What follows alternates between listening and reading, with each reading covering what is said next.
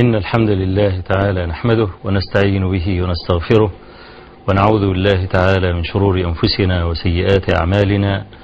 من يهد الله تعالى فلا مضل له ومن يضلل فلا هادي له. وأشهد أن لا إله إلا الله وحده لا شريك له وأشهد أن محمدا عبده ورسوله. أما بعد فإن أصدق الحديث كتاب الله تعالى وأحسن الهدي هدي محمد صلى الله عليه وآله وسلم وشر الأمور محدثاتها وكل محدثة بدعة وكل بدعة ضلالة وكل ضلالة في النار.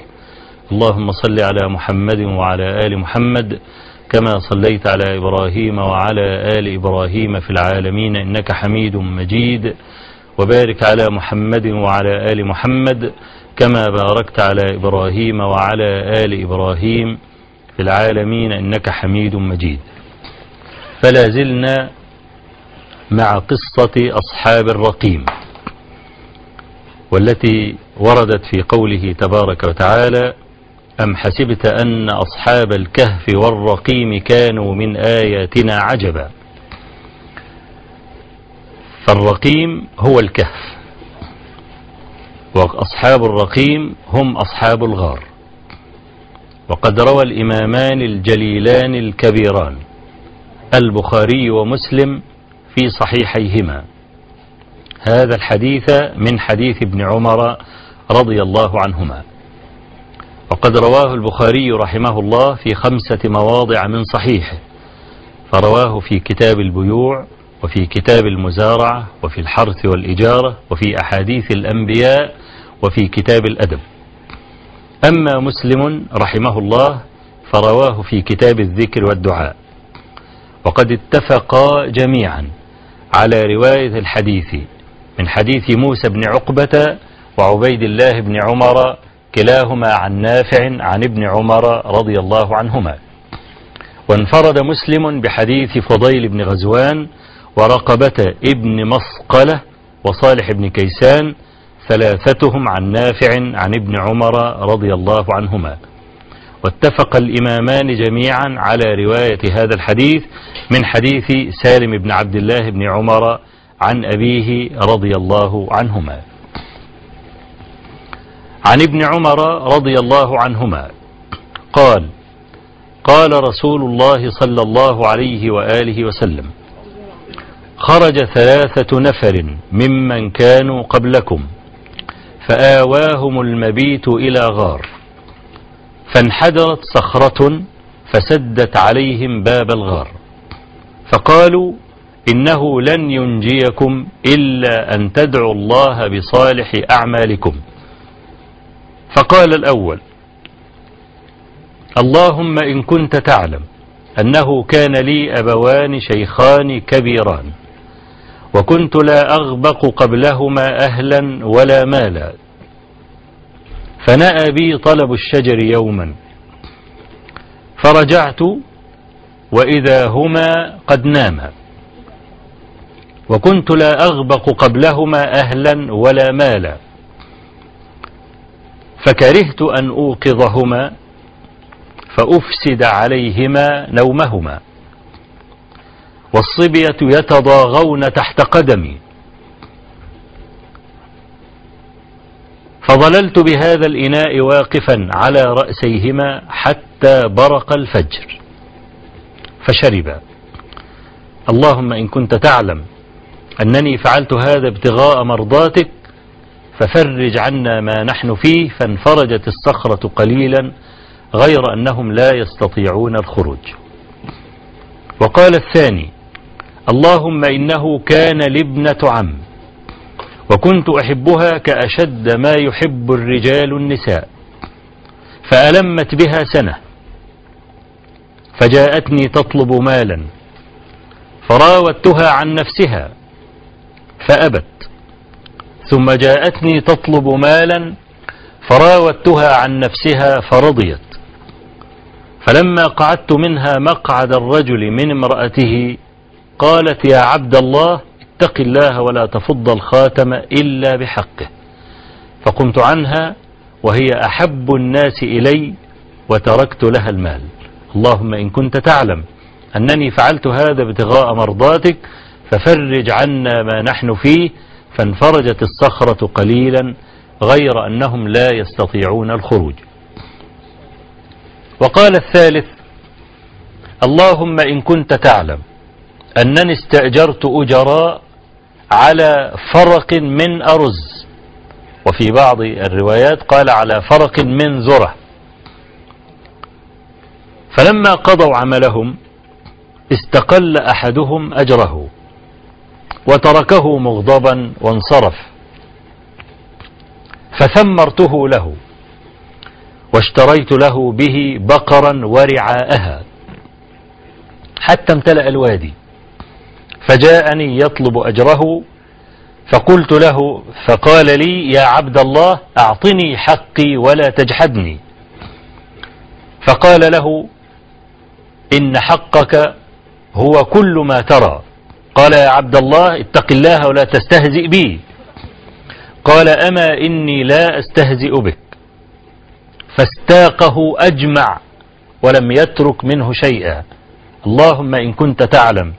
أنني فعلت هذا ابتغاء مرضاتك ففرج عنا ما نحن فيه فانفرجت الصخرة وخرجوا يمشون. آه هذه الحكاية قصة من قصص بني إسرائيل.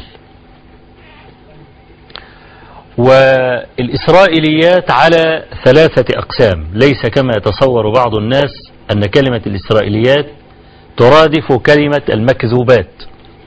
يعني يقول لك هذا دي إسرائيليات. إسرائيليات يعني كذب. لا ليس الأمر كذلك.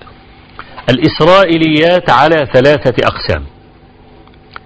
القسم الأول ما صح سنده إلى نبينا صلى الله عليه وآله وسلم. والقسم الثاني ما صح سنده إلى قائله من بني إسرائيل. والقسم الثالث هو ما لم يصح لا سندا ولا متنا. يعني منكر سندا ومنكر متنا أيضا. أما القسم الأول فلا خلاف بين العلماء في الاحتجاج به. لا سيما إذا ذكره النبي صلى الله عليه وسلم آه، كالثناء على فاعله زي قصة أصحاب الغار زي مثلا قصة جريج آه، زي قصة الساحر والراهب مثلا كقصة آه، اختصام المرأتين إلى داود وسليمان عليهما السلام. إلى آخر هذا القصص الصحيح والذي جاءنا بسند صحيح ولكن عن نبينا صلى الله عليه وسلم. فهذا لا إشكال في الاحتجاج به. النوع الثاني ما ثبت سنده إلى قائله. من بني إسرائيل. وهذا القسم قال فيه النبي صلى الله عليه وآله وسلم إذا حدثكم بنو إسرائيل فلا تصدقوهم ولا تكذبوهم. يعني أنت آه، بتأخذ الكلام. إذا كان هذا الكلام مما يفيد معنى عاما عندنا في ديننا فلا بأس بذكره. نحن لا نصدقهم ولا نكذبهم. إنما نأخذ ما منهم ما يكون معضدا لآية مثلا أو لحديث أو لحكم أو لأدب. زي مثلا الحكاية التي آه، ذكرها أبو الشيخ وغيره آه، أن آه، قصة عن عيسى عليه السلام في قصة عفوا عن قصة عن ملك الموت مع سليمان عليه السلام. هذه القصة تقول أن داود عليه السلام اصطفى رجلا من أهل مملكته يعني قربه إليه وأدناه منه فكان سببا في يعني غيرة أهل المملكة جميعا بسبب هذا التقريب. فبعدما مات داود عليه السلام وورثه سليمان عليه السلام قال من الذي أدنيه مني؟ ثم قال لا أجد خيرا من جليس أبي. فقربه أيضا فازدادت غبطة الناس له. وكان ملك الموت عليه السلام يجالس الأنبياء عيانا يعني يأتي يجلس مع النبي عين عينك يعني. وهذا القدر صح من حديث أبي هريرة في مسند الإمام أحمد في قصة موسى وملك الموت. أن ملك الموت كان يجالس الأنبياء عيانا فملك الموت ملك الموت عليه السلام كان يجالس سليمان عليه السلام وهذا الجليس في المجلس. فنظر إليه ملك الموت. نظرة ارتعد منها الرجل. لكن الرجل ما كان يدري من هو. فلما انصرف ملك الموت عليه السلام سأل الجليس سليمان عليه السلام من هذا؟ قال هذا ملك الموت. فارتعد الرجل وقال لا أكون في بلد فيه ملك الموت. قال ماذا تريد؟ قال أرسل بي إلى آخر موضع في أرض الهند. فأرسله. فذلك قوله تعالى فسخرنا له, فسخرنا له الريح تجري آه، بأمره رخاء حيث أصاب. رخاء لا هي قوية ولا هي ضعيفة. وبعد قليل من الوقت جاء ملك الموت عليه السلام فسأله سليمان عليه السلام لما نظرت إلى الرجل؟ قال إن الله أمرني أن أقبض روحه في الهند. فلما رأى هنا نظر إليه وأجله في أرض الهند فلما حل موعد أجله قال وجدته ينتظرني هناك. فقبضت روحه. هذا مثلا أثر من آثار بني إسرائيل يمكن أن نفسر بها أو نبين بها مثلا قول الله تبارك وتعالى أينما تكونوا يدرككم الموت ولو كنتم في بروج مشيدة. ما جرى هذا المجرى لا بأس أن نذكره لا سيما كما قلت إذا كان يبين شيئا عندنا. أما القسم الثالث وهو الذي لا يصح سندا ولا متن زي قصة مثلا آه، داود عليه السلام التي ذكرها الله سبحانه وتعالى في سورة صاد وهل أتاك نبأ الخصم إذ تسوروا المحراب إذ دخلوا على داود ففزع منهم قالوا لا تخف. خصمان بغى بعضنا على بعض فاحكم بيننا بالحق ولا تشطط واهدنا سواء الصراط. إن هذا أخي له تسع وتسعون نعجة ولي نعجة واحدة. فقال أكفلنيها وعزني في الخطاب. قال لقد ظلمك بسؤال نعجتك إلى نعاجه وإن كثيرا من الخلطاء لا يبغي بعضهم على بعض إلا الذين آمنوا وعملوا الصالحات وقليل ما هم. وظن داود أنما فتناه فاستغفر ربه وخر راكعا وأناب. فغفرنا له ذلك.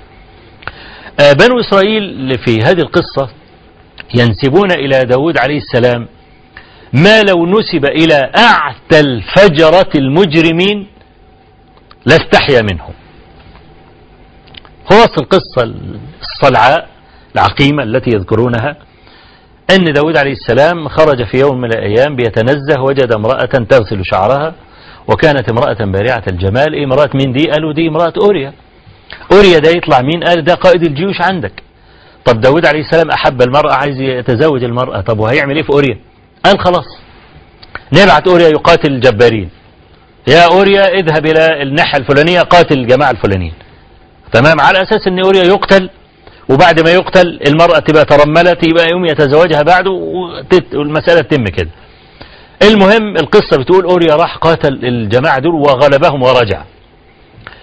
ألا طب ده ما ماتش طب الجماعة دول عايزين نأدبهم أروح أدب الجماعة دول. فيرس كل ما يرسلوا إلى جهة من الجهات ينتصر عليهم ويرجع. طب هو عايز يتجوز المرأة يعمل إيه؟ قتل أوريا. خلاص؟ وداود عليه السلام كان عنده إيه؟ 99 امرأة. والعرب كانت تطلق على المرأة نعجة ده الكلام الرواية بتقول كده. فالملكين عشان يبينوا بقى لداود أنه آه، ظلم وأنه تعدى جاء ملكين عشان يعرضوا عليه قضية وهو المقصود بالقضية. إن أخي هذا له تسع وتسعون نعجة عنده تسع وتسعين امرأة ولي نعجة واحدة. أي لي امرأة واحدة. فقال أكفلنيها هتهالي يعني. وعزني في الخطاب غلبني بالكلام. فقال داود عليه السلام لقد ظلمك بسؤال نعجتك إلى نعاجه. وإن كثيرا من الخلطاء لا يبغي بعضهم على بعض إلا الذين آمنوا وعملوا الصالحات وقليل ما هم. بعد ما داود عليه السلام حكم في القضية دي اختفى الايه اختفى الرجلان. فعلم داود عليه السلام أنهما ملكان. يبقى عرف إن الكلام عليه. فاستغفر ربه وخر راكعا وأناب. هذا الكلام لا يمكن قبوله أبدا. وهذا يعني قادح في الأنبياء وفي عصمة الأنبياء. وهذا يعني يناسب أن يقوله بنو إسرائيل الذين قالوا في أنبيائهم كل عظيم. كما قص الله عز وجل علينا قصصهم المخزي في القرآن العظيم. ده مردود كله مرفوض كله. كل ما جرى هذا المجرى كله مرفوض. يبقى أنا عندي الإسرائيلية الثلاث. طبعا قبل أن يعني أتجاوز المسألة دي طيب واحد يقول لي طيب يعني إيه بقى؟ يعني داود عليه السلام استغفر من, من أي شيء؟ الذي ذهب إليه أهل العلم أن داود عليه السلام إنما حكم لأحد الخصمين قبل أن يسمع الآخر. هذه القضية كلها. وهذا هو الذي يعني عاتبه الله تبارك وتعالى من أجله أنه قضى لأحدهما على الآخر دون أن يسمع الثاني. لكن مسألة بقى أن يرسل أوريا وعايز يقتله في الآخر يقتله كمان عشان يتزوج المرأة ده طبعا هذا مطروح كله. يبقى عندنا الأقسام الثلاثة من الإسرائيليات لما واحد يقول إسرائيليات مش معناها المكذوبات لا المسألة فيها التفصيل الذي ذكرته. القسم الأول والذي نحن بصدده الآن وهو الذي صح سنده إلى رسول الله صلى الله عليه وآله وسلم من بني إسرائيل. وذلك الإمام البخاري رحمه الله أورد هذا الحديث في كتاب الأنبياء تحت باب ذكر بني إسرائيل ما جاء في ما جاء في ذكر بني إسرائيل. آه، هؤلاء الثلاثة الذين ذكرهم النبي صلى الله عليه وسلم قلت إنهم من أفراد بني آدم ليس لواحد منهم نظير في بابه ولا في معناه. وأنا ذكرت طرفا من ذلك ولا بأس أن أعرج على الرجل الأول والثاني بذكر شيء قبل أن أصل إلى الرجل الثالث والأخير في هذه القصة. الرجل الأول هذا رجل بار جدا بره نادر بره نادر. وطبعا آه، كما ذكرت الله تبارك وتعالى قرن بر الوالدين بعبادته سبحانه وتعالى. وقضى ربك ألا تعبدوا إلا إياه وبالوالدين إحسانا.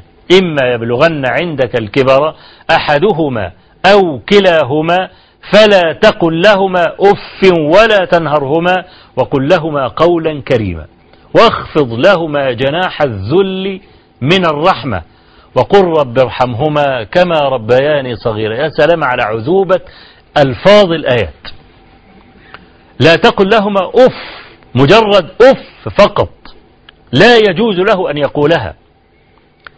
شوف ربنا عز وجل يقول وإن جاهداك على أن تشرك بي ما ليس لك به علم فلا تطعهما وصاحبهما في الدنيا معروفة المجاهدة فيها نوع من الخشونة.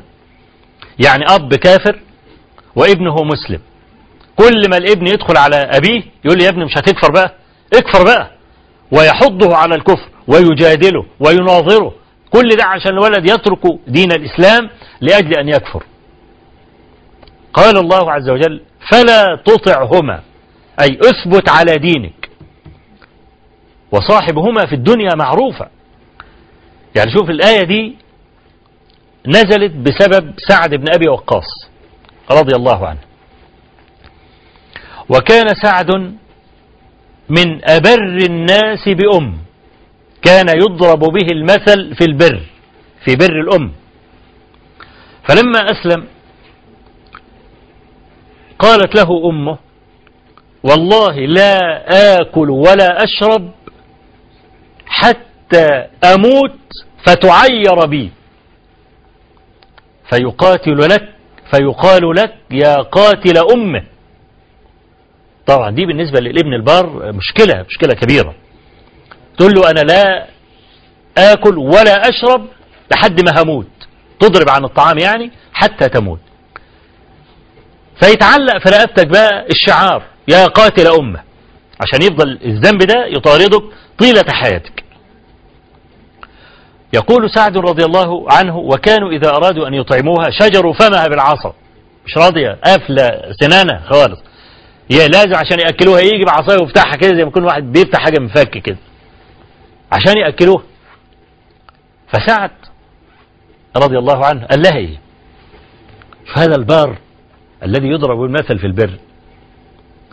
قال يا أم والله لو كان لك مئة نفس فخرجت نفسا نفسا ما كفرت بديني. فكلي أو دعي. يعني كلي ولا روحي في داهي طب ده هذه خشونة في الخطاب. هذه خشونة في الخطاب. الله عز وجل أنزل هذه الآية لأجل هذا الموقف. وإن جاهداك على أن تشرك بي ما ليس لك به علم فلا تطعهما. خلاص أثبت على دينك. الدين ده أغلى حاجة في الدنيا. لا يساوم عليه مطلقا ولا يقبل مفاوضة. ليه؟ لأن هذا نجاتك في الآخرة إنما يكون بالثبات على الدين. لكن ما الداعي للخشونة في العبارة؟ ليه تقول لها كلي ولا روح في داهية. كلي أو داعي. لا. أنت أثبت على دينك ولكن قل قولا حسنا. قل قولا حسنا. يبقى ربنا تبارك وتعالى حرم على الولد أن يقول أف فضلا عن أنه يضرب. فضلا عن أنه يعني ينظر النظر الشزر ولا يحد النظر لأبيه أو أمه ولا أنه يعلي صوته على أبيه أو أمه. كل هذا عقوق. إشكال طبعا في العقوق أن لو مات الوالد أو ماتت الوالدة وهي غضبة أو كان الوالد غضبان على هذا الوالد بتبقى مشكلة. ما يعرفش يعمل حاجة. آه بيجتهد ويعمل يتصدق عنهما ويعمل صدقات لكن الله أعلم. بخلاف خلاف البر. عارف البر ده من السعادة للولد أن يكون بارا بأبويه. الدنيا كلها بتتفتح له إذا كان بارا بأبويه. يعني أنا لا أنسى أبدا حكاية من حوالي 17-18 سنة. كنا بنوزع بطاطين يعني على الناس الفقراء وكان صادف ال ال ال هذه الأيام زي الأيام دي كده. كنا في برد شديد. وبعدين ماشيين كده بالليل حوالي الساعة 11 بالليل. ودي بالنسبة في زمان الشتاء يعني يعني موغل في الليل. وجدنا امرأة أو صوت واحد بيكح بيسعل. فتتبعنا الصوت فوجدنا امرأة نايمة في بير السلم. تحتها بطانية مقطعة وملفوفة ببطانية مقطعة برضه وبترتعش من البرد. الست دي أنا كنت أقدر سنها فوق ال 75 سنة. قاعدة لوحدها في بير السلم. فدخلنا عليها. قال انت قاعدة ليه كده يا ستي؟ قالت ابني نزلني من فوق. من فوق فين؟ هو ده, ده فين بيتك؟ قالت ده بيتي. بيت عبارة عن دورين. قال ابنك نزلك ليه؟ لا مراته أصرت إن أنا أمشي من البيت. يا كده تتطلق. فنزلها من البيت من الشقة بتاعتها ده بيتها من عشان يقعدها بير السلم ومفيش تحتها مرتبة مثلا. هي بطانية مقطعة وملفوفة بطانية ما بترتعش فوق ال 75 سنة. هذا لا هذا لا, لا أنساه ابدا. الولد ده طبعا جاله بعد كده فشل كلوي. وأول ما جاله فشل كلوي غاب في المستشفى يروح يغسل ويتحجز في المستشفى الكلام ده. مراته طلبت الطلاق على طول. ومات بحسرته لأن أمه كانت ماتت. قبل أن يصاب بهذا المرض. بر الوالد أو الوالدة ده باب مفتوح للعبد من أبواب الجنة. قال صلى الله عليه وسلم كما رواه مسلم من حديث أبي هريرة. النبي عليه الصلاة والسلام توعد العاق. توعد العاق. الذي يعق أباه أو يعق أمه. خاب وخسر. خاب وخسر. من أدرك أبويه عند الكبر أو أحدهما ولم يغفر له. أنت إذا كان لك أب ولا لك أم انتهز الفرصة. الأب باب من أبواب الجنة والأم باب من أبواب الجنة. في الأدب المفرد للإمام البخاري من حديث عطاء بن يسار عن ابن عباس أنه جاءه رجل. فقال إني خطبت امرأة فأبت أمها أن تنكحني. وزوجتها غيري فغرت فقتلتها. ألي توبة؟ فقال له ابن عباس أمك حية؟ قال نعم. قال اذهب فبرها. قال عطاء فسألناه لماذا سأله عن حياة أمه؟ قال لا أعلم شيئا. قال ابن عباس يعني لا أعلم شيئا يقرب من الله مثل بر الوالدة. مثل بر الوالدة. الحديث ده أنا عهدي بهذا الحديث من أول زماني بالطلب. من سنة 76 سنة 1976 من يوم ما قرأت هذا الحديث وأنا أبر أمي غاية البر لأن أبي مات وكان سني حوالي 16 سنة. وابن 16 سنة لم أعرف معنى البر كما ينبغي. فصار في نفسي غصة أنني لم أعرف معنى البر قبل موت أبي رحمه الله. فبقيت بعوض بر أبي مع أمي. أفعل كل ما أستطيع لبرها. وأنا معترف أنني لم أصل بعد إلى شيء ذي بال من البر. يعني هي أغلى شيء في حياتي. كلها أمي أغلى من أولادي وأغلى من نسائي وأغلى من إخواتي. ليس هناك أحد على وجه الأرض أغلى من أمي. ولو إن أحد يفتدي أحدا لافتديتها لو فيها مرض لو يخرج هذا المرض بي أو يخرج بأولادي أو يخرج بنسائي أنا أبذله راضيا. لو كان أحد يفتدي أحدا. وأنا أرجو برها وأرجو زخر دعائها لي. وأنا أشعر ببركة دعائها في حياتي. الدعاء من دعائها الجميل اللي دايما تدعيه وأنا أعتبره من عدتي وأحسن دعاء أنا سمعته في حياتي من أمي. حفظها الله وأسأل الله أن يطيل بقاءها وأن يختم لها بخير وسائر نساء المسلمين سائر الأمهات. تقول يا ابني ربنا حبب فيه خلقه الحصى في أرضه. يعني كده بتطلع كده سهلة وهينة وجميلة ومن القلب. فالدنيا متفتحة.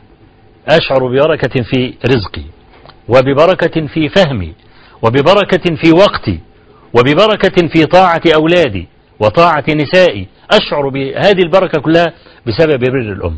من يوم أن قرأت هذا الحديث في كتاب الأدب المفرد الإمام البخاري وهذا ديدني وأنا أضع هذه الصورة أمام عيني. فلأجل هذا أنا أقول لأي ولد أو بنت عقت أباها أو عقت أمها ده باب من أبواب الجنة يوشك أن يغلق هذا الباب.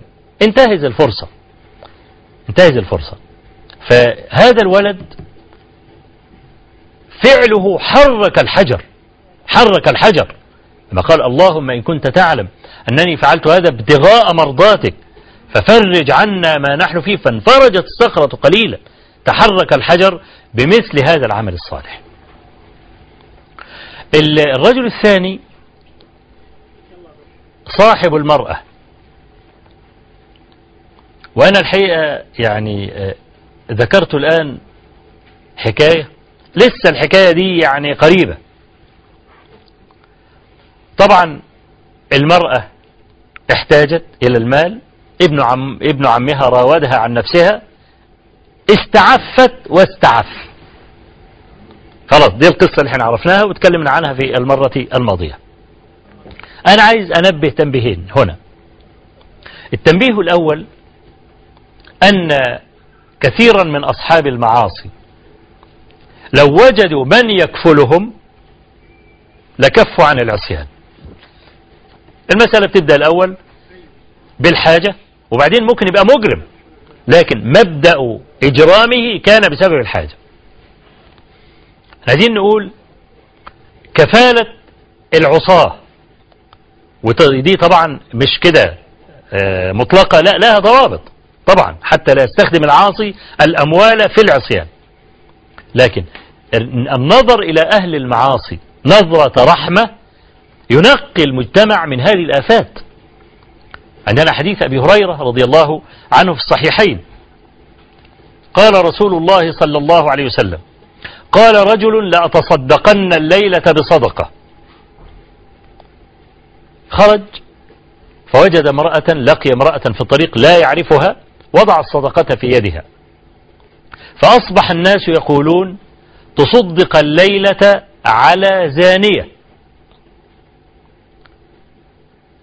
فكأنما أسقط في يده. زانية. طب ده أنا كنت أريد أن تصل الصدقة إلى مستحقها لكن زانية تأخذ الصدقة؟ فقال لأتصدقن الليلة بصدقة. عايز برضه يعيد الصدقة لعلها تقع في موقعها الصحيح. فخرج فلقي رجلا لا يعرفه أيضا. وضع الصدقة في يده. فأصبح الناس يقولون تصدق الليلة على سارق. فقال الحمد لله على سارق. لا تصدقن الليلة بصدقة. فخرج فلقي رجلا فوضع الصدقة في يده فأصبح الناس يقولون تصدق الليلة على غني. يعني مش محتاج. كان ناوي بقى إنه كمان يفضل يتصدق حتى تقع الصدقة في يد المستحق. فجاءه ملك في صورة رجل قال له أما صدقتك فقبلت. وأما الزانية فلعلها تتوب. وأما السارق فلعله يستعف. وأما الغني فلعله يخرج الذي عنده. يغار يعني لما يرى هذا المتصدق فيقوم يغار فيخرج الذي عنده. الشاهد الزانية لعلها تتوب إلى الله عز وجل. كم من آه، نساء سلكنا سبيل سبيل الفاحشة بسبب المسألة دي بسبب الزنا. ده كان في المبدأ. وبعدين بقى حرفة بعد كده. لو وجد من يسد رمقها لما زنت. زي برضو المرأة دي. راحت لابن عمها عايزة فلوس ابن عمها ولحمها فهو يعني أولى الناس بها. تلاءم عليها وراودها عن نفسها رفضت. ثم رجعت إليه مرة أخرى كأنها طافت على الدنيا بحالها. لأن ثم ترتيب مع التراخي يعني في مسافة زمنية. كأنها راحت تطلب المال ما لقتش حد يديلها. ما رجعت لابن عمها.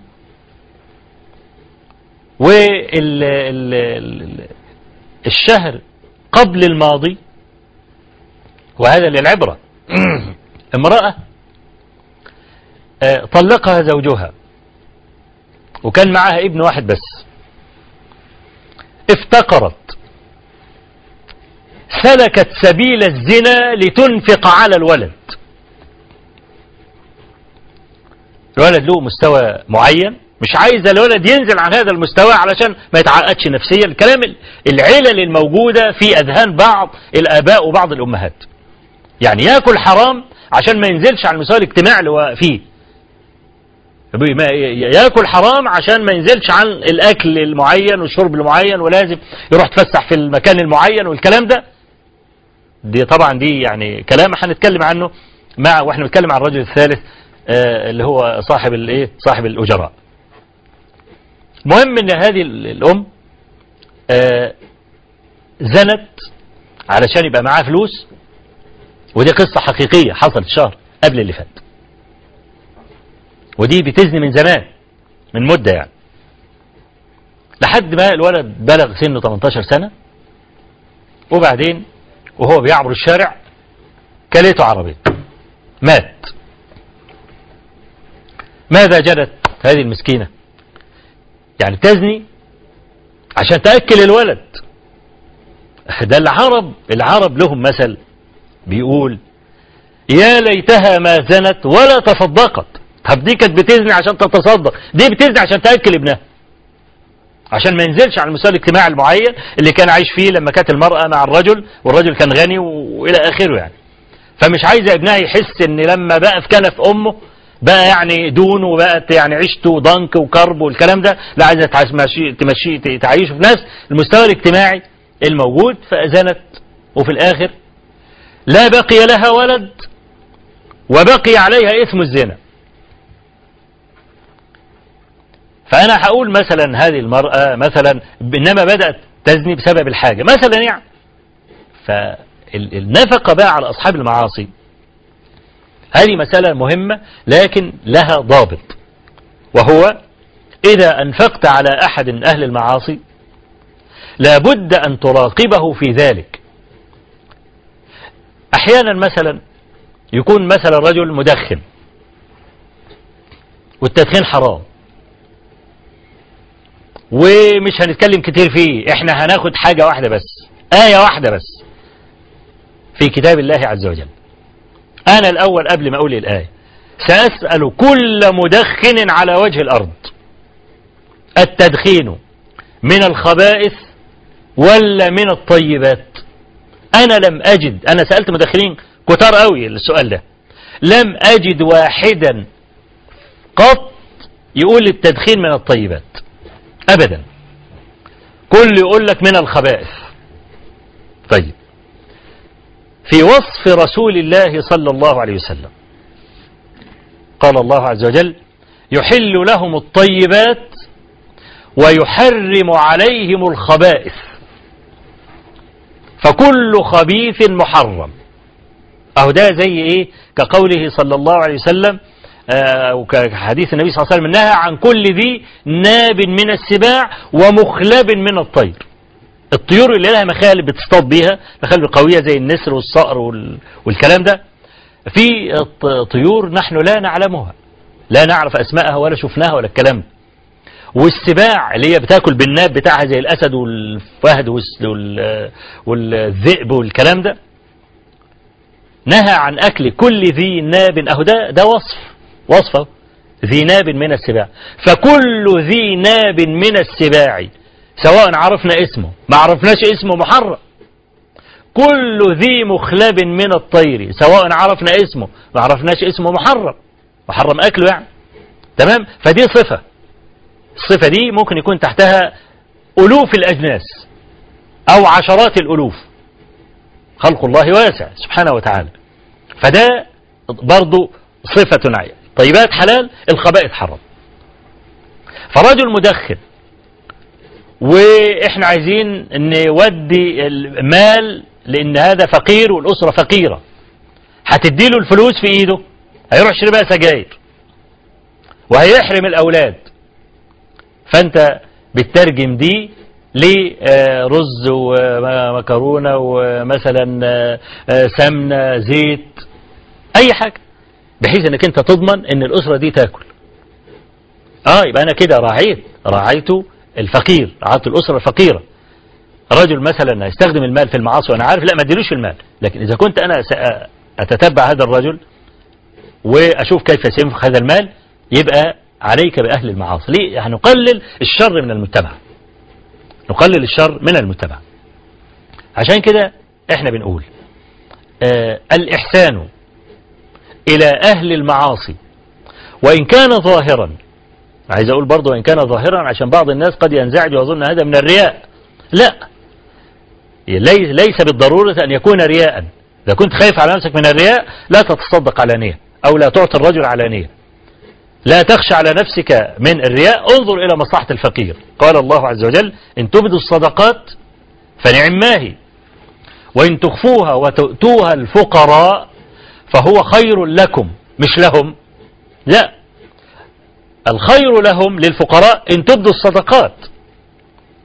بدلالة آه، الرجل الثالث في حديث آه، لا تصدقن الليلة بصدقة. الرجل الثالث كان غنيا. قال له الملك وأما الذي أو أما الغني فلعله يخرج الذي عنده. يغار يقول طب ده ليه بيتصدق؟ وأنا لماذا لا أتصدق؟ وعندي من المال فيحمله ذلك على الصدقة. ده في حالة أن يأمن المرء على نفسه من الرياء. إنما خشيت على نفسك من الرياء خلاص يبقى إيه؟ وإن تخفوها تؤتوها الفقراء فهو خير لكم. قصة الرجل الثالث. أنا عايز أقدم لهذا الرجل الفرد الفريد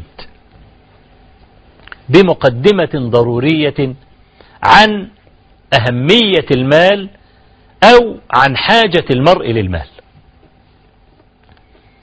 الرجل ده ليه فرد في بابه؟ لأن المرء طبع على محبة المال. قال تعالى وإنه لحب الخير لشديد. الخير هنا هو المال. وحديث آه ابن عباس وحديث عبد الله بن الزبير وحديث أنس ابن مالك رضي الله عن الجميع عن النبي صلى الله عليه وسلم. قال لو كان لابن آدم واديا من ذهب لقال لو أن لي اثنين. ولو كان له اثنان لقال لو أن لي ثالثا ولا يملأ عين ابن آدم إلا التراب وتاب الله على من تاب. لا يشبع المرء مطلقا من حب المال. والنفس كالطفل إن تهمله شب على حب الرضاع وإن تفطمه ينفطم. والنفس راغبة إذا رغبتها وإذا ترد إلى قليل تقنع. الرجل قد يكون ملكا متوجا. يصرف في كل مكان ويصرف الملايين. وبعدين يفتقر ينزل على الأرض. تلاقي برضه راضي بياكل طب ده زي النفس. النفس الولد اللي بيرضع الذي يرضع من أمه. لو سبته يرضع لمدة ثلاث سنين أربع سنين خمس سنين ست سنين يفضل يرضع. وإن فطمته بعد يومين ثلاثة من الولادة هينفطم. النفس كذلك. والنفس طامعة إذا أطمعتها. وإذا ترد إلى قليل تقنع أنا عايز أعرف ابتداء لماذا يجمع الناس المال؟ دي مش دعوة للفقر بس أنا عايز أعرف يعني لماذا يجمع الناس المال؟ يعني واحد مثلا عمال يشتغل عمال يجيب ملايين ومليارات والكلام ده. هو عايز إيه؟ أنا عايزه يجاوب عايز إيه؟ كل ما شئت فلن تملأ أكثر من معدتك. معدتك قد كده. لن تملأ أكثر من معدتك. إلبس ما شئت فلن تكسو أكثر من بدنك. نم على أي فراش شئت. هي عبارة عن متر في مترين زي القبر بالظبط. طب والباقي؟ بتعمل بإيه؟ ضيعت العمر النفيس اللي هو رأس المال. رأس المال هو العمر. قال النبي صلى الله عليه وسلم كما في حديث ابن عباس الذي افتتح به البخاري رحمه الله كتاب الرقاق. قال صلى الله عليه وسلم نعمتان مغبون فيهما كثير من الناس الصحة والفراغ. فراغ ده اللي هو العمر رأس المال. فلما رجل ينفق من رأس ماله جدير أن يفلس. إنما الرابح من ينفق من الربح ويبقى رأس المال كما هو. فإحنا كمسلمين أعمرنا ما بين الستين والسبعين. وأقل الأمة من يتجاوز ذلك بنص كلام النبي صلى الله عليه وسلم الذي أخرجه الترمذي وغيره. أعمار أمتي ما بين الستين إلى السبعين وأقلهم من يتجاوز ذلك. فابن ستين سنة ابن سبعين سنة. لما نعمل دراسة جدوى لحياة إنسان يعيش ستين سنة سبعين سنة هنلاقي 12 سنة طفولة لا يؤاخذ المرء عليها لقول النبي صلى الله عليه وسلم رفع القلم عن ثلاث الصغير حتى يحتلم. رفع القلم يعني قلم الإيه؟ قلم التكليف وقلم السيئات والحسن والحسنات وكده. المؤاخذة يعني قلم المؤاخذة عفوا. يرفع قلم المؤاخذة عن العبد لحد ما يبلغ.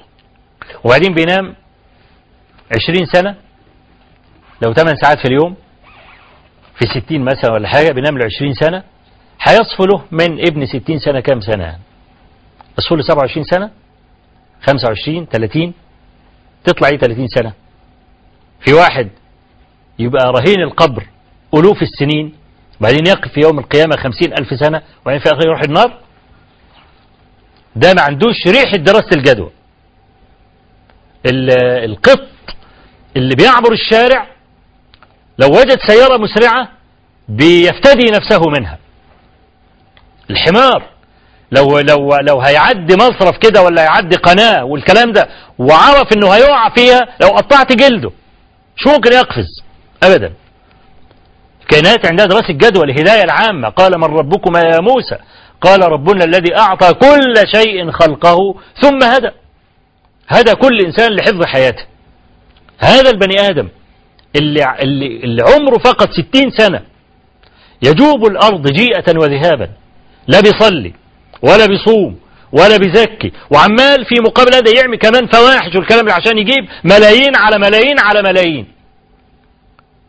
وبعدين هتسيب ده لمين؟ ليس هناك أحد يستحق أن تدخل النار لأجله. النار كما قال الله عز وجل إن عذابها كان غراما. بعدين بتسأل عن كل مليم فيه. أنت جبته منين؟ وصرفته فين؟ المال ده بيروح للوارث؟ حلال زلال. يعني شوف كما قال النبي صلى الله عليه وسلم في صحيح البخاري من حديث ابن مسعود. قال قال رسول الله صلى الله عليه وسلم أيكم ماله أحب إليه أم مال وارثه؟ قالوا يا رسول الله ما منا من أحد إلا وماله أحب إليه من مال وارثه. قال فإن مالك ما قدمت ومال وارثك ما أخرت. اللي انت قدمته إما بصدقة بتدخر بتدخرها لنفسك لأن البني آدم لما يتصدق يدخل الرصيد هذا هذا المال في رصيده الخاص مش حد يعرف ياخده. كما قال صلى الله عليه وسلم في حديث أبي هريرة الذي رواه مسلم قال يقول ابن آدم مالي مالي. كل ما تكلمه يقول لك فلوسي أنت معاك كام؟ معاك جنيه تساوي جنيه معاك عشرة تساوي عشرة معاك مليون تساوي مليون. يقيسون الناس بالمال. يقول ابن آدم مالي مالي. فقال صلى الله عليه وسلم معقبا على قول ابن آدم هذا. قال وهل لك يا ابن آدم من مالك إلا ما أكلت فأفنيت؟ أو لبست فأبليت؟ أو تصدقت فأمضيت؟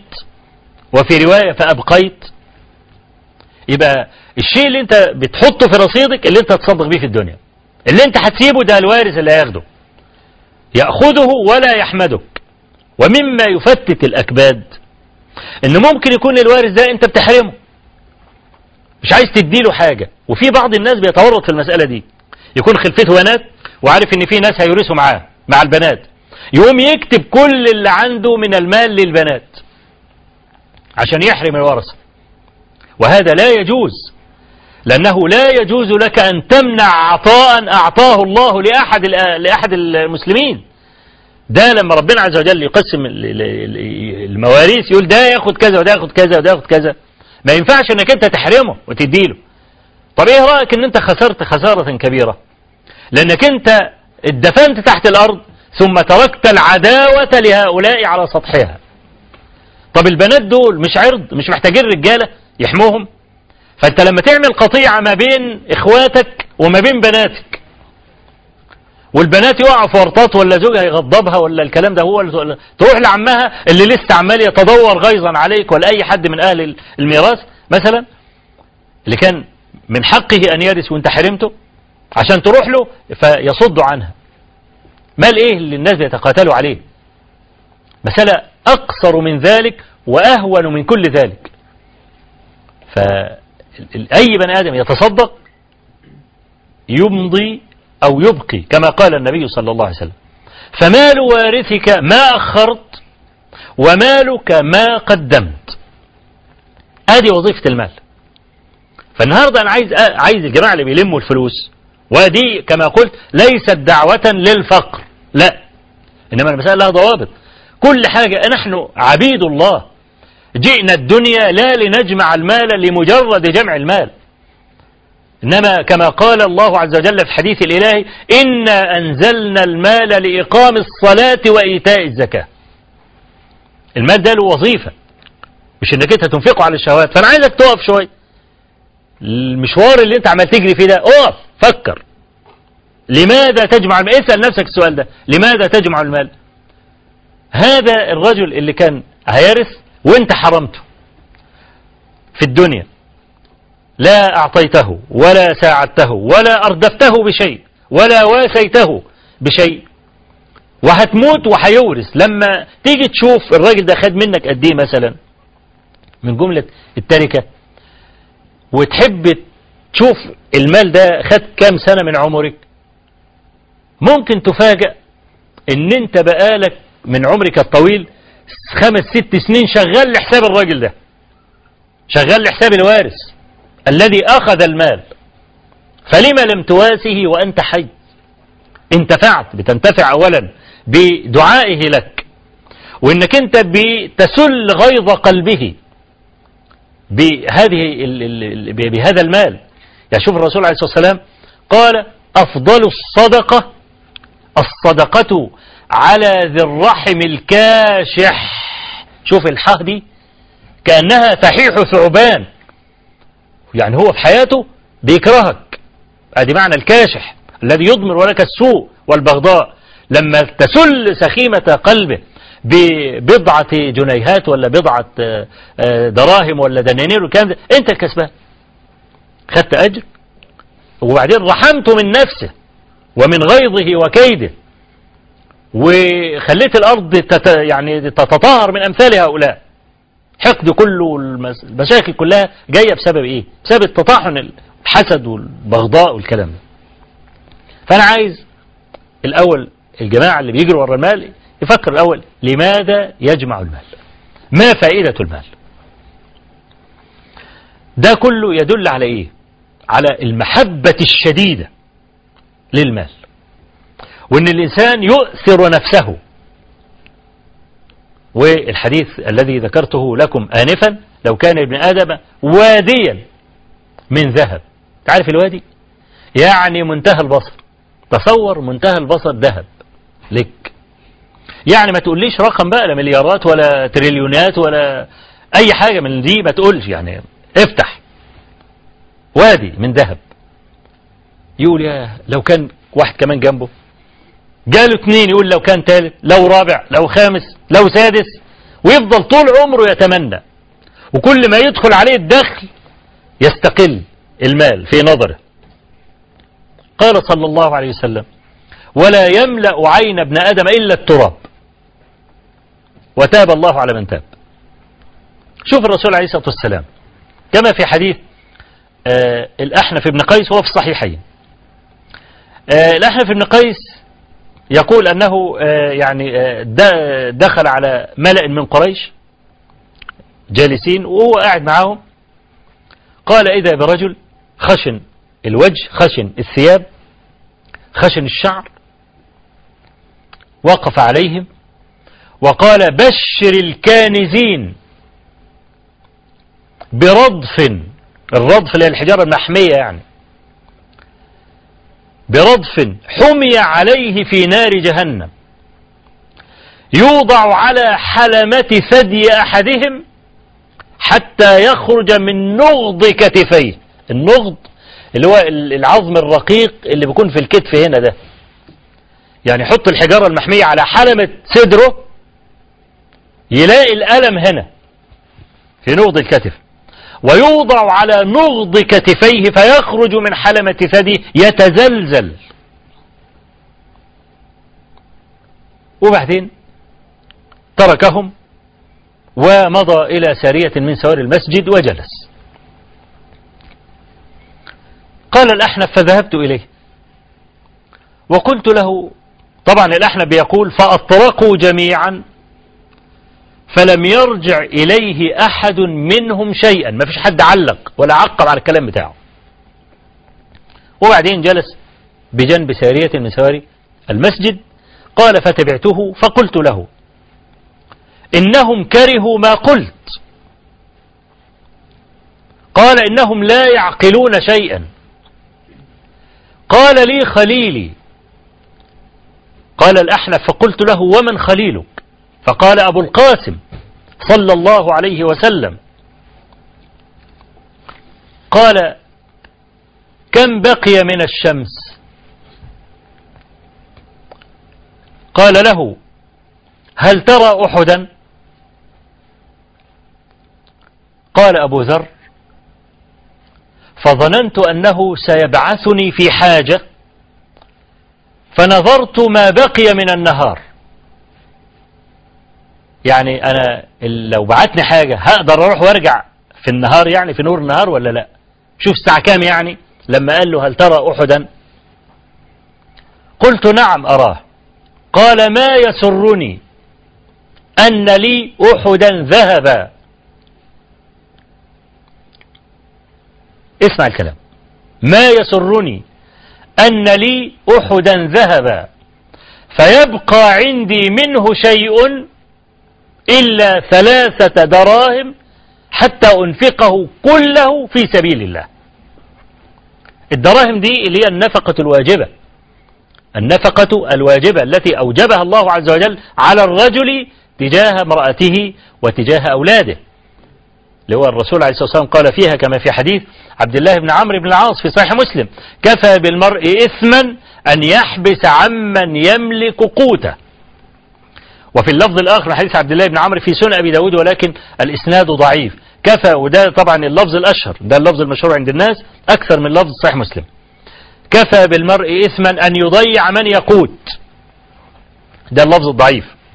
أما اللفظ الصحيح فهو كفى بالمرء إثما أن يحبس عمن يملك قوته.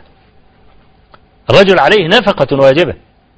إذا قصر في النفقة على امرأته وأولاده أثم. يأثم. والنبي صلى الله عليه وسلم يقول كفى بالمرء إثما يعني مش عايزين ذنب تاني عشان يدخل النار أكتر من كده.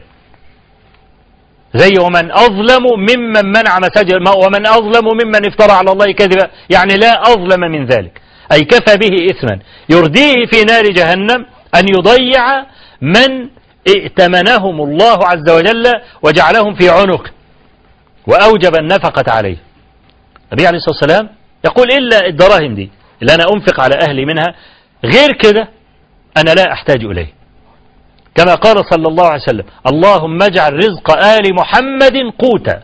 قوتا يعني على الأد. فوظيفة المال وهل لك يا ابن آدم من مالك إلا ما أكلت فأفنيت أو تصدقت فأبقيت أو لبست فأبليت. دي وظيفة المال. فهل أنت يا جامع المال محب الشديد لهذا المال عندك الدراسة الجدوى دي هذا الرجل اللي هو بقى صاحب الأجراء فعل شيئا لا يفعله أحد. ماذا فعل هذا الرجل؟ استاجر أجراء على عمل ما. في بعض طرق الحديث لأنني ذكرت لكم في المرة الماضية أن هذا الحديث حديث أصحاب الغار رواه جماعة آخرون من الصحابة وقد استوعب أبو عوانة الإسفرائيني في مستخرجه والطبراني في كتاب الدعاء استوعبا جميعا كل أحاديث الصحابة في هذا الباب. لا سيما الطبراني يعني أبو عوان الإسفرايني لا يذكر أحيانا ألفاظ الحديث. بل يذكر الإسناد ويحيل على اللفظ السابق. أما الطبراني في الدعاء الحقيقة يعني كل حديث يأتي بألفاظه ويأتي بأسانيده. آه في ألفاظ يعني هذا الحديث أن الرجل ده استأجر أجراء. فجاله واحد في نصف النهار. أو جاله واحد من أول النهار. وكان مجدا في عمله. الجماعة التانيين بيشتغلوا على مهلهم وده عمال يشتغل إيه؟ بهمة ونشاط. فبعد ما خلص الشغل هو قال لهم يا جماعة الشغل كان ده على فرق من أرز أو على فرق من ذرة. ده أو ده. وطبعا ده محمول على إن كان عنده رز وذرة وكان بيدي ده ذرة أو يدي ده رز إلى آخره يعني. فبعد ما خلصوا الشغل فكل واحد بياخد الأجرة بتاعته فواحد قال له قال لا والله إني عملت بعمل رجلين. فالأجر ده ما ينفعنيش. فقال له لا أنا استأجرتك على هذا الفرق من الرز. اشتغلت بقى بأجر رجلين بأجر ثلاثة بأجر أربعة هو ده الأجرة بتاعتك. فتسخط عليه وغضب وترك المال. وبعدين يبدو إنه فلس دور في دفاتره القديمة لقى له فرق من أرز قال لك اما أروح للراجل ده أجيب الفلوس. فرجع له. قال له أنت فاكرني؟ قال له آه فاكر. قال له اتق الله وأعطني حقي ولا تجحدني. قال له تعال. في بعض طرق الحديث إنه طلع بيه على السطح سطح المنزل. وقال له ماذا ترى؟ قال له شايف أنعام بقر وجاموس وخرفان و... يا كل الأنعام دي تملأ الوادي. قال هذا أجرك. أنت عايز فلوسك؟ هي دي فلوسك. فالتفت إليه. وقال يا عبد الله اتق الله ولا تسخر بي. قال ما أسخر بك. لكن هذا مالك. قال فاستاقه أجمع. خده كله. طب ما تسيب للراجل اللي عمل لك المسألة دي سيب له نص نص الفلوس نص الوادي. طب سيب له ربعه. لا ما سابلوش حاجة. إزاي الراجل ده كان عنده من سماحة النفس أن يترك كل هذا المال؟ حتى ما يقولوش هات أجرة ال حتى ما, ما ثمرت لك هذا المال ونميته الكلام ده. ما قالوش الكلام ده إطلاقا مع ما فطر المرء عليه من محبة المال. الرجل ده رجل نبيل. لأن الإنسان إذا اغتنى بعد فقر يكون أشد لؤما. وطبعا هناك قصة من قصص بني إسرائيل الصحيح. طبعا القصة دي يعني فيها فوائد كثيرة. أنا أذكر القصة نفسها. عشان أخذ منها الشاهد فقط الذي أريده. وهذه القصة رواها الإمامان البخاري ومسلم في صحيحهما من حديث أبي هريرة رضي الله عنه. عن النبي صلى الله عليه وآله وسلم. قال كان ثلاثة ممن كانوا قبلكم أبرص وأقرع وأعمى. أراد الله عز وجل أن يبتليهم يعني أن يمتحنهم. فأرسل إلى الأبرص ملكا. في صورة رجل قال ما تشتهي؟ إيه اللي نفسك فيه؟ قال أشتهي لونا حسنا وجلدا حسنا وأن يذهب عني ذلك الذي قذرني الناس من أجله. فمسحه الملك فأعطي لونا حسنا وجلدا حسنا. قال أي المال تحب؟ نفسك في إيه من, من أصناف المال؟ قال له الإبل. طبعا إسحاق بن عبد الله بن أبي طلحة روي هذا الحديث شك يعني بالنسبة للأبرز والأقرع الإبل ولا البقر. قال الإبل فأعطاه ناقة عشراء. وقال بارك الله لك فيها. ثم أتى الأقرع فقال له ما تشتهي؟ قال أشتهي شعرا حسنا وأن يذهب عني ذلك الذي قذرني الناس من أجله فمسحه فأعطاه الله عز وجل الشعر الحسن قال أي المال تحب قال البقر فأعطاه بقرة حاملة وقال بارك الله لك فيها ثم أتى الأعمى فقال ما تشتهي؟ قال أشتهي أن يرد الله علي بصري فأبصر الناس وأن يذهب عني ذلك الذي قذرني الناس من أجله. أو لم يقل هذه الجملة في الأعمى في حق الأعمى نعم. فأبصر الناس نعم. فمسحه فرد الله عز وجل عليه بصره. أي المال تحب؟ قال الغنم فأعطاه شاة ولودا. وقال بارك الله لك فيها. الأول نما ماله كالدود ملأ الوادي. فعنده إبل بقى على آخر منتهى بصرك تلاقي الإبل. طول بعرض بالجهات الأربعة. برضو الأقرع برضو نفس الكلام والأعمى نفس الكلام. ثم جاءت ساعة الامتحان. فجاء الملك الأبرص في صورة رجل أبرص. علشان يفكروا وده أدعى أنه يفتكر الماضي بتاعه. لما يلاقي واحد أبرص وهو بقى راجل شكله جميل وشعره جميل وجلده جميل والكلام ده يوم يقول يا أنا كنت زي الراجل ده في يوم من الأيام فيوم يحن قلبه ويعطف عليه. الملك جاءه في صورة رجل أبرص. قال له إيه؟ قال له عابر سبيل أنا عابر سبيل انقطعت بي الحبال ولا حيلة لي إلا بالله ثم بك. خلاص يعني واحد مقطوع من شجر. وقال له أنا لو أنت سبتني هموت. فهل تعطيني ناقة؟ أنا طبعا قلت لك إن المال نما كالدود أو الملك قال بارك الله لك فيها. فبقى عنده وادي صار عنده عنده واد من الإبل. يعني ما تقولش مثلا لا عشر تلاف راس ولا عشرين ألف راس.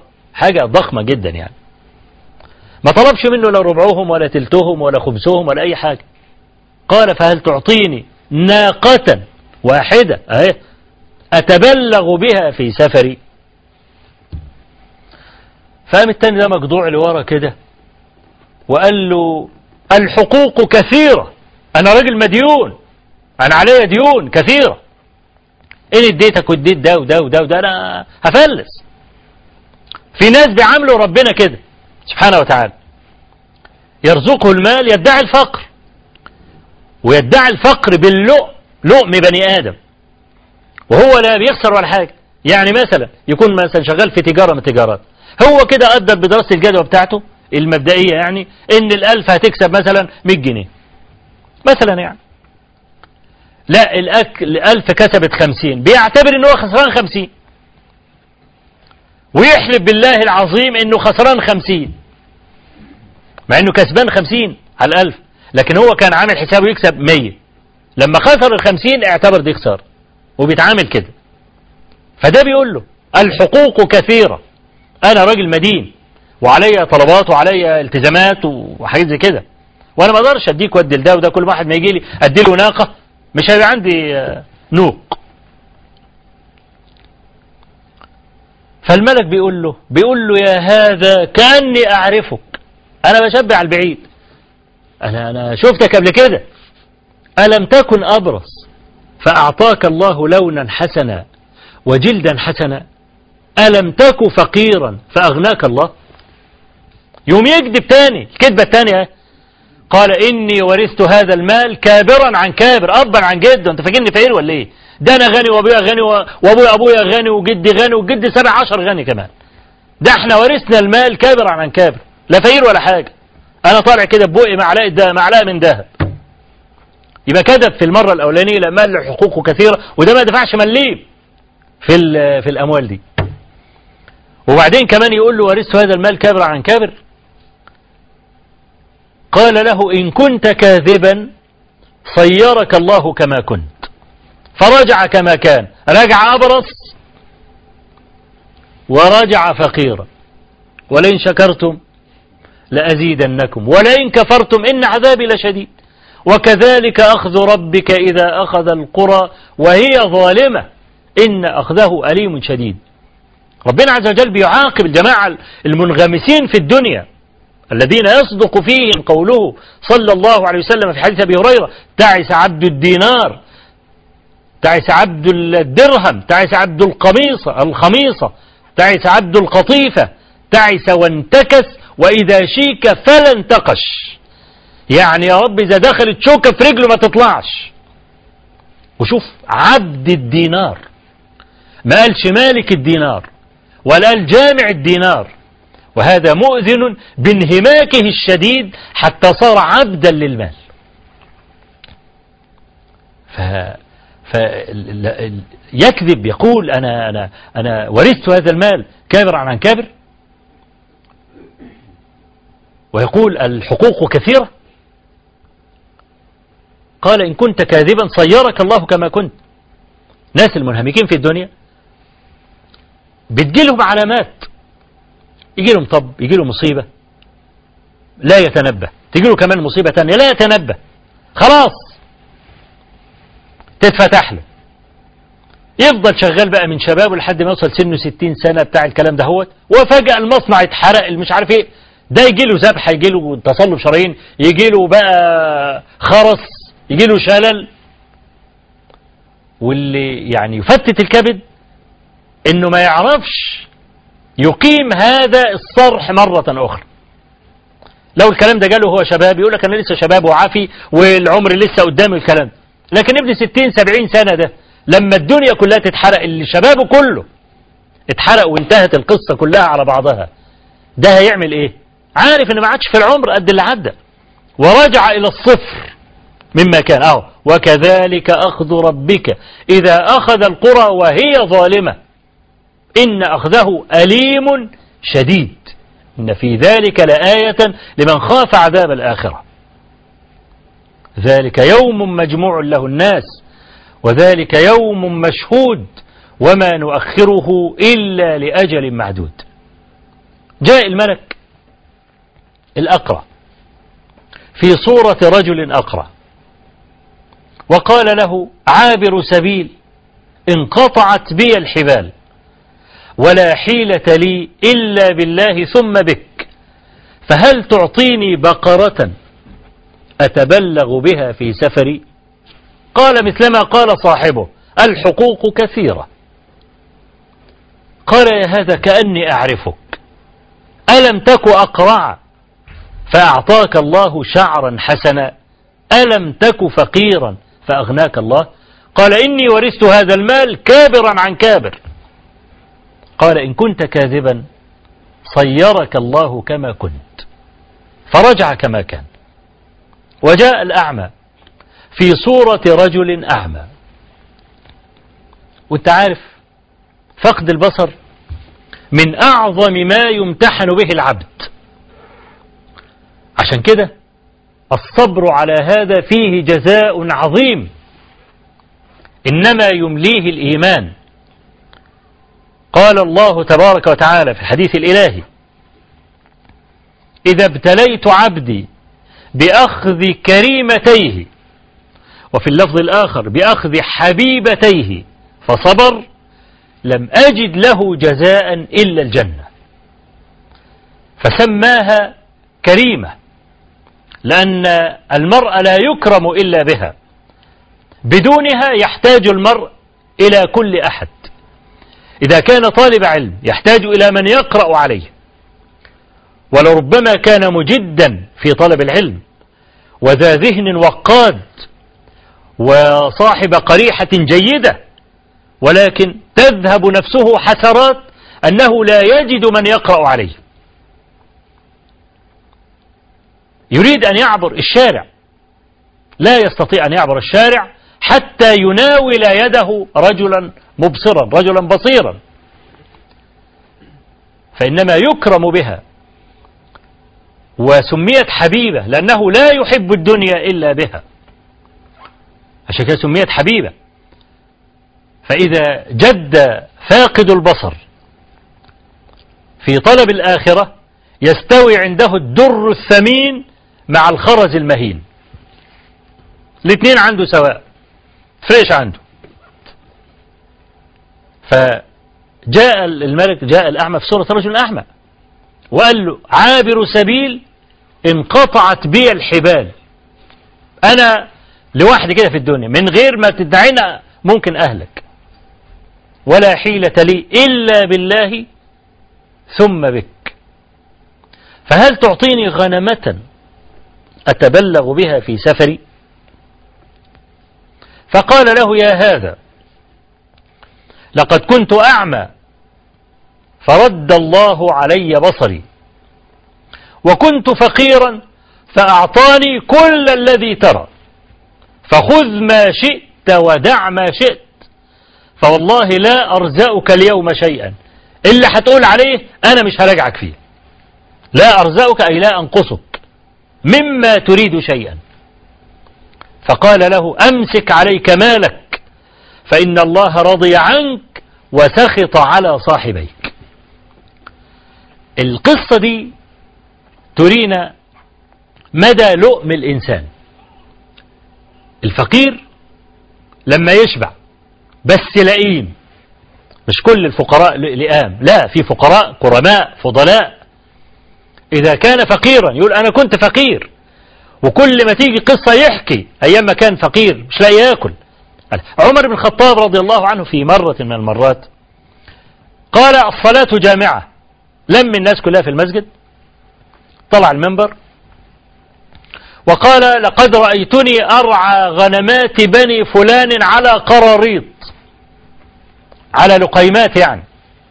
طبعا عمر بيقول الكلام ده هو أمير المؤمنين. يعني قبة الناس في ذلك الزمان وبكى ثم نزل من على المنبر. فعبد الرحمن بن عوف بيقول له بقول له ما زدت على أن أزريت بنفسك. قلت قلت لنا إيه يعني؟ حطيت من قدرك ومن نفسك ونزلت. إيه اللي أنت عملته؟ قال إن نفسي حدثتني بالخلافة. قالت لي ده أنت أمير المؤمنين. ويعني لما تشاور الواحد كده يقتلوه يقتلوه. اسجنوه يسجنوه. كلامك ماض عليهم. فنفسه بتقول له كده. إن نفسي حدثتني بالخلافة فأردت أن أذلها. عايز بقى يذلها على ملأ من الناس. لما يشتري يتفرج يعني. دول ناس كرماء نبلاء فضلاء. سلم يكون فقير. فكلما ذكر فقاه تحدث بنعمة الله عليه. ألم يكن عندي شيء من هذا؟ خلاص. ربنا عز وجل رزقني وأعطاني ورفع من خسيستي. فيقوم إذا ذكر هذا يقوم يحمد الله تبارك وتعالى. دول شوية لئام بقى. يقول له إني ورثت هذا المال كابر عن كابر. عشان كده عراقة الصفة انت تقدر تعرف الناس دول هذا الإنسان اللي قدامك ده. إنسان كريم وفاضل واهله ناس كويسين بمثل هذا. لما يكون غني وأبوه غني وجده غني وجد جده غني تلاقيه شبعان. ليه؟ ورث صفة الغنى. تعرف الإنسان اللي بقى غني في الأصل بيبقى نبيل كريم. ما عندوش دناءة. عندوش نوع من الخسة كده في التعامل لا تلاقيه شبعان وكريم وفاضل في نفسه. ليه طالع طول عمره كده؟ يبقى الصفة لما تكون عريقة يعني لما يكون زي ما قلت لكم غني أبو غني تلاقي شبعان. عالم أبو عالم جده عالم تلاقي باين عليه العلم. يقول لك ده من بيت علم. خلاص غير لما يكون مثلا واحد طلع كده في وسط شوية كده وظهر فيهم. ممكن ما تبقاش عايز تكلمه. أو في ناس بتبقى كده. يعني أو مثلا عايز يجي مثلا في مسجد يظهر في قناة أي قناة من القنوات بتاع الكلام ده. بعد ما يظهر تبص تلاقيه بيعامل اللي حواليه باحتقار. قال طب أنت كنت جنبنا وبتقعد معانا في على المصطبة وبتقعد معانا في المسجد والكلام ده. أول ما ظهر وبرز والكلام ده تبص تلاقيه خلاص بيتكلم مناخيره فوق. ده هذا لم يتأدب. الصفة بتاعته ليس لها عراقة ليس لها جذور. فإحنا بنقول المال من أكبر العقبات التي تقف في طريق الإنسان. قال الله تبارك وتعالى إنما أموالكم وأولادكم فتنة. وقال صلى الله عليه وسلم إنما فتنة أمة المال. فإذا كان المال بيفتن الإنسان إلى هذه الدرجة حتى أنه ممكن يستعلي. بل بعض الناس بيتصور أن إعطاء المال آه، دلالة على آه، أن الله عز وجل يحبه. وهذا الظن من جنس ظن المشركين. كما قال الله عز وجل وقالوا نحن أكثر أموالا وأولادا وما نحن بمعذبين. هذا ظن المشركين. رد الله عز وجل عليهم. قال وما أموالكم ولا أولادكم بالتي تقربكم عندنا زلفى إلا من آمن. إنما يقرب الإنسان من ربه الإيمان لا مال ولا أولاد. ده لا يقرب وهذا لا يقرب. يبقى المال كفتنة تعترض طريق الإنسان. يبقى الإنسان لازم يسأل نفسه أنا عايز إيه من هذه الفتنة؟ أنت عايز تبقى راجل من أصحاب الملايين مفيش مانع. لا تحسن إنك تتعلم مفيش مانع. بس شرط أن يكون لك من يدلك على وجوه الإنفاق الصحيح. مش لازم تكون عالم. تبقى عارف الفقه وعارف البيوع وعارف الكلام ده. ما عندكش الموهبة دي. خلاص لا نكلفك. لكن لازم يكون عندك عالم مفتي قبل أن تتحرك قبل أن تعقد أي صفقة. هيخس عليك إيه؟ أنت عندك محاسب وعندك مستشار قانوني وده بياخد فلوس وده بياخد فلوس. المفتي بيفتي ببلاش مجانا. حريص جدا على إنك تجيب محاسب وعشرة وعشرين وحريص جدا على إنك تجيب قانوني وعشرة وعشرين وما أنتش حريص تدور على مفتي واحد. ده تسمى إيه بقى؟ ده ممكن نسميه إيه؟ يبقى أنت فعلا كده عايز تاكل حلال؟ تاكل حلال إزاي؟ الأصل في البيوع الحل والنهاردة إحنا كدول مسلمة بكل أسف دول مستهلكة. دي مش دول منتجة. الجماعة الكفرة كلهم هم اللي ماسكين عصب الاقتصاد النهاردة في العالم. والنهاردة مثلا بلد زي الصين غزت الدنيا كلها. طب الراجل اللي هناك في الصين ده اللي يهمه المكسب. انت كمسلم محكوم مسجون ما تعرفش تتصرف على مزاجك ولا تعرف اللي في دماغك تعمله لأنك عبد. عبد يعني لك سيد آمر. مالكش إرادة. إلا ما يريده منك سيدك. هو ده رداء العبودية اللي انت لابسه. ورداء العبودية الذي أعطيت الله عز وجل الميثاق الموافقة عليه. وأنت في ظهر آدم. كما قال تعالى وإذ أخذ ربك من بني آدم من ظهورهم ذريتهم وأشهدهم على أنفسهم ألست بربكم؟ قالوا بلى شهدنا أن تقولوا يوم القيامة إنا كنا عن هذا غافلين. أقدم ميثاق ميثاق العبودية الذي أخذه الله عز وجل على بني آدم وهم كالذر لما استخرجهم من ظهر آدم عليه السلام.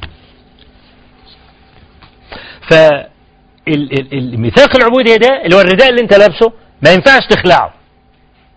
فانت النهاردة زي ما قلنا محكوم. الراجل المنتج مش حكمه إلا الربح. فيحط أي آه، بنود أي قرارات أي اشتراطات هو حر يعمل عايز قد يكون الشرط الذي وضعه في العقد يخالف دينك. إزاي ما يبقالكش مفتي؟ يقول لك ده حرام. هيخس عليك إيه لما تيجي تقول له يا مولانا العقد ده فيه كذا وكذا؟ شوف لي اي شيء مخالف ولا ده سليم ولا غلط؟ يقول لك ده غلط تلغيه. ده في شبهة تلغيه. لحد ما يبقى المال حلال ما فيش حد يستحق مالك بعد موتك أبدا. لا يستحق أحد أبدا أن يأخذ منك فلسا ثم تقف إلى ربك يوم القيامة تقول له مش عارف جايب الفلس منين. مفيش حد يستحق أن يصل إلى هذه الدرجة أبدا. لأن في مقابلها نار. فدي دي هذه فتنة عظيمة. عايز تبقى من أصحاب الملايين؟ ما فيش مانع. الإسلام بيقول لك ماشي. لأن أنت لما تكون إنسان فاضل ومتدين هيأكل جنبك ناس آه، من الفقراء والمساكين. ما ضاع فقراؤنا إلا لما امتلك سفهاؤنا المال. يروح يصرف بال... بالألوف المؤلفة. يروح أوروبا عشان يشم هوا. وما يرضاش يروح يحج. ولا يروح يعتمر. بلاش يحج ولا يعتمر. بلاش يعتمر. الحج طبعا فرض عليه. بلاش يعتمر. جماعة الفقراء المساكين في في القرية عنده ولا في الحي عنده ولا في الكلام يظن إن هو يداوي رجلا مريضا مرضا مزمنا في الوقت الذي ينفق على شهواته الألوف المؤلفة. فإحنا بنقول المال ربنا عز وجل جعله فتنة وجعله ابتلاء واختبارا. وهيسألك سؤالين من الأربعة لا تسأل عنهم يوم القيامة. وعن مالك من أين اكتسبته وفيما أنفقته. هتسأل تسأل السؤالين دول. فأعد الجواب من الآن. إذا كان أنت راجل آه، من أصحاب الأموال يبقى لك عالم. قبل ما تعمل أي حاجة تروح له. شوف علي بن أبي طالب كان بيقول كلمة وهي من الكلام الحكيم رضي الله عن علي يقول ومالك لن تسع به كل الناس فخص به أهل الفضل. ما انتش مالك الدنيا كلها ومالك في الآخرة هينفد.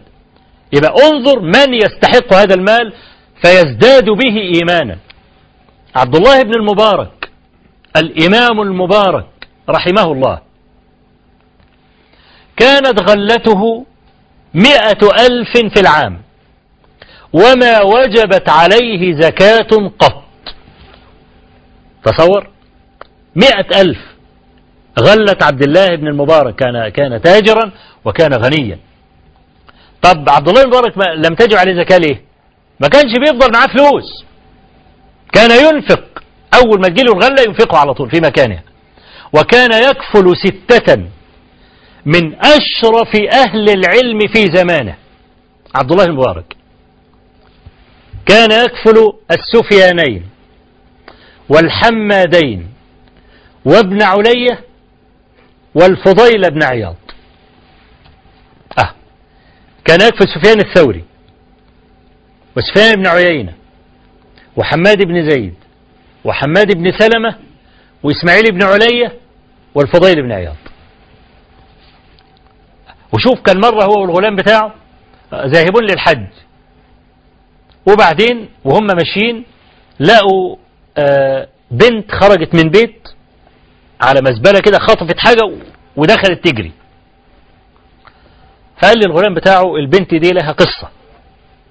شوف لي إيه الموضوع. دخل الغلام يسأل البنت إيه اللي أنت خطفتيه؟ لقتها ميتة. فرخة ميتة بطة ميتة وزة ميتة أي حاجة من دي. طب أنت هتعمل إيه بالميتة؟ قالت أنا وأخي حل لنا أكل الميتة منذ ثلاثة أيام. قال عبد الله المبارك لغلامه كم معك من المال؟ قال له معايا كذا كذا كذا. قال له احجز مصاريف السكة واعطيها المال فهذا أفضل من حجنا هذا العام. ورجع رجع هو الغلام بتاعه. فالرسول عليه الصلاة والسلام لما ذكر صاحب المال عشان يغبط زي ما غبط أمثال عبد الله بن مبارك رحمه الله اشترط لأن يغبط صاحب المال اشترط شرطا. قال صلى الله عليه وسلم كما في حديث مسعود الصحيحين وغيرهما قال لا حسد إلا في اثنتين. رجل آتاه الله العلم أو الحكمة أو القرآن ثلاث ألفاظ. الحكمة فهو يقضي بها ويعلمها الناس.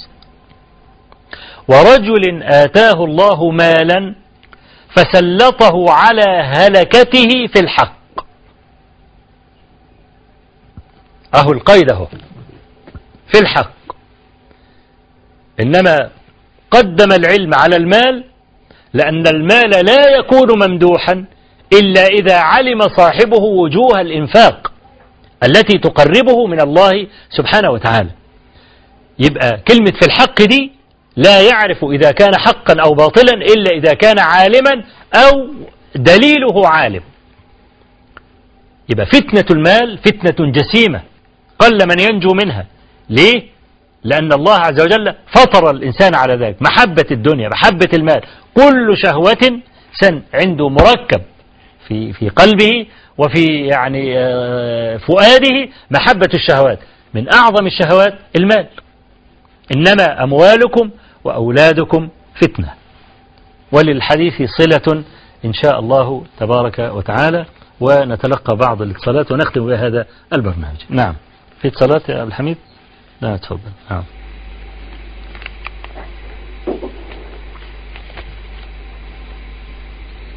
تفضل نعم. السلام عليكم. وعليكم السلام ورحمة الله وبركاته. آه ربنا يبارك فيك يا شيخ أبو إسحاق وفي جميع علمائنا الأفاضل.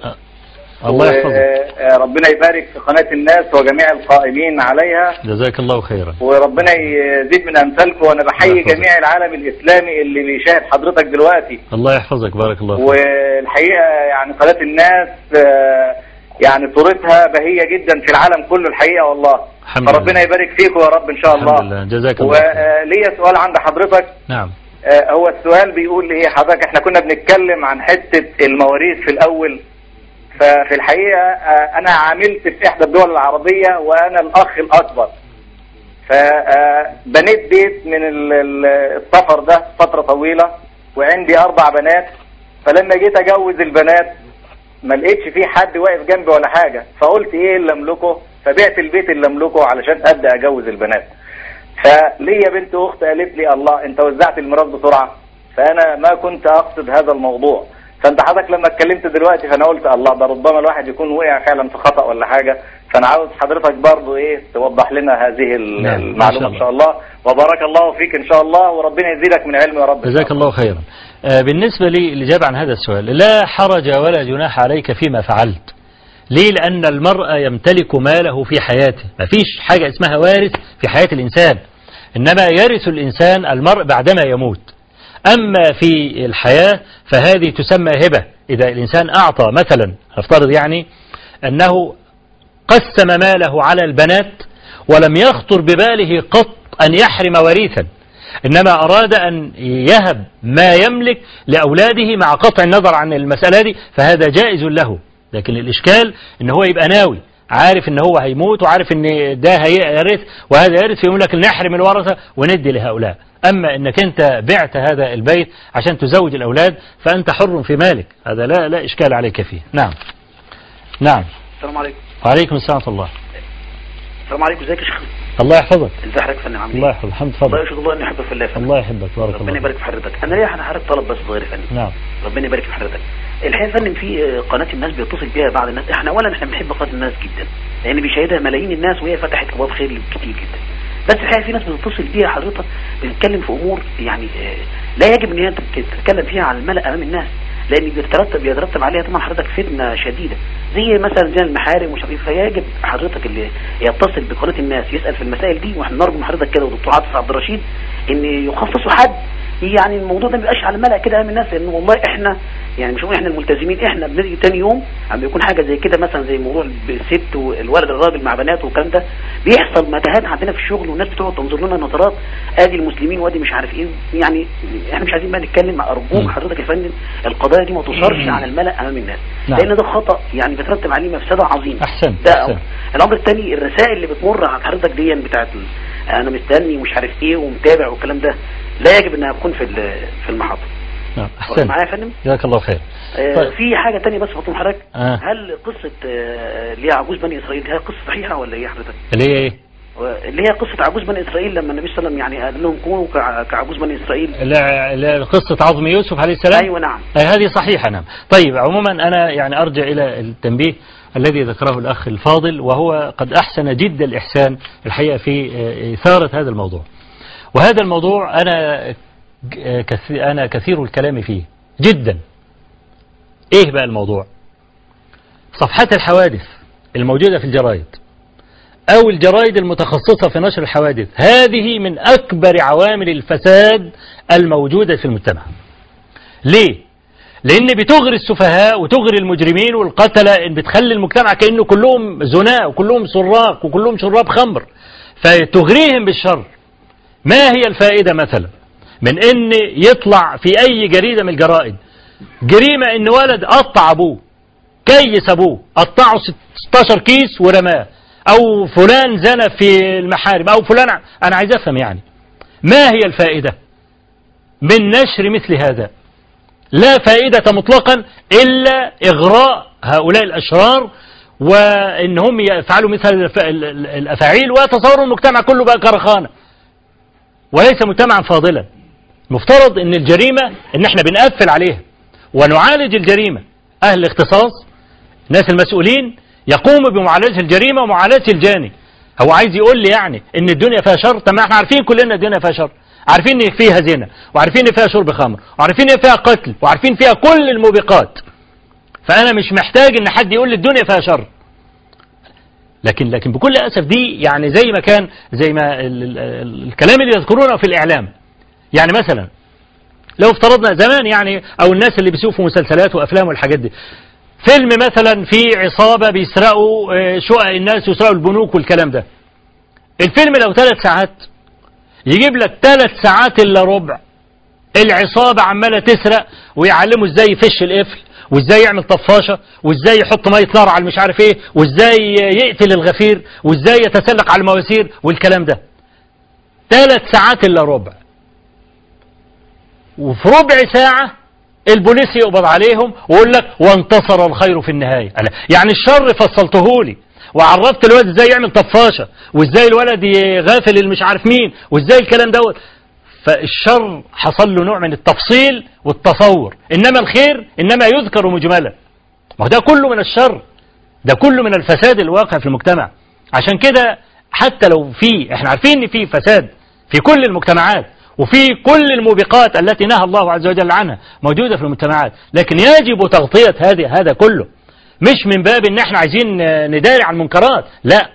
بس فشو مثل هذا مثل هذه المسائل تغري هؤلاء الأشرار أن هم يمارسوا الشر بتاعهم كما قلت وتصوروا المجتمع كله مجتمع آه، فاسد وأنه يستطيع أنه يفعل. يعني مثلا أطفال الشوارع والجماعة التربيني والكلام اللي ماشي اليومين دول. إيه الفائدة يعني من من ذكر؟ أنا بقطع الولد خدته عاقبته شنقته حطيت في العقوبة المناسبة قتلته خلاص. مش لازم أعمل. سفاح المعادي والكلام ده الشغل اللي شغال دلوقتي العالم ماشية ترجف دلوقتي في الشوارع. ما هي المصلحة؟ إن أنا أقعد أتكلم وأقول وسفاح المعادي والكلام ده وممكن أقابلك في أي مكان في الشارع والكلام ده. ده إشاعة الفزع والرعب عند الناس. المفروض حاجة زي كده أنا أغطيها. أنا كجهات مسؤولة أدور على المسألة دي وأجيبه. حتى حتى يأمن الناس على أموالهم ويأمن الناس على أعراضهم. لكن إفشاء المسألة دي عند من لا يتخذ القرار؟ ما هي المصلحة في ذلك؟ عشان كده أنا أحيي هذا الأخ الكريم ان هو أشار إلى هذه اللفتة. أيضا برضو الشريط اللي بيمشي ده بكل أسف يعني أنا أحيانا لما يعني أكون عند بعض أصحابي ولا حاجة وأنا جاي لل لل للقناة ممكن أشوف أحيانا آه، يعني مثلا ربع ساعة من حلقة ولا بتاع أبص ألاقي بقى إيه يقول إلى الفلانة الفلانية اللي مش عارف مين اللي كذا كذا كذا الرقم في الكنترول وبتاع. طب ما ده برضو نوع من إفشاء المناكير. يروح يقابلوا بعض والكلام ده فإحنا برضو نرجو الإخوة القائمين على القناة إن هم يزيلوا كل هذا لابد يكون في نوع من الضبط على الرسائل الموجودة في القناة. أسأل الله تبارك وتعالى أن يجعل ما سمعناه وما قلناه زادا إلى حسن المصير إليه وعتادا إلى يمن القدوم عليه إنه بكل جميل كفيل وهو حسبنا ونعم الوكيل وصلى الله وسلم وبارك على نبينا محمد والحمد لله رب العالمين.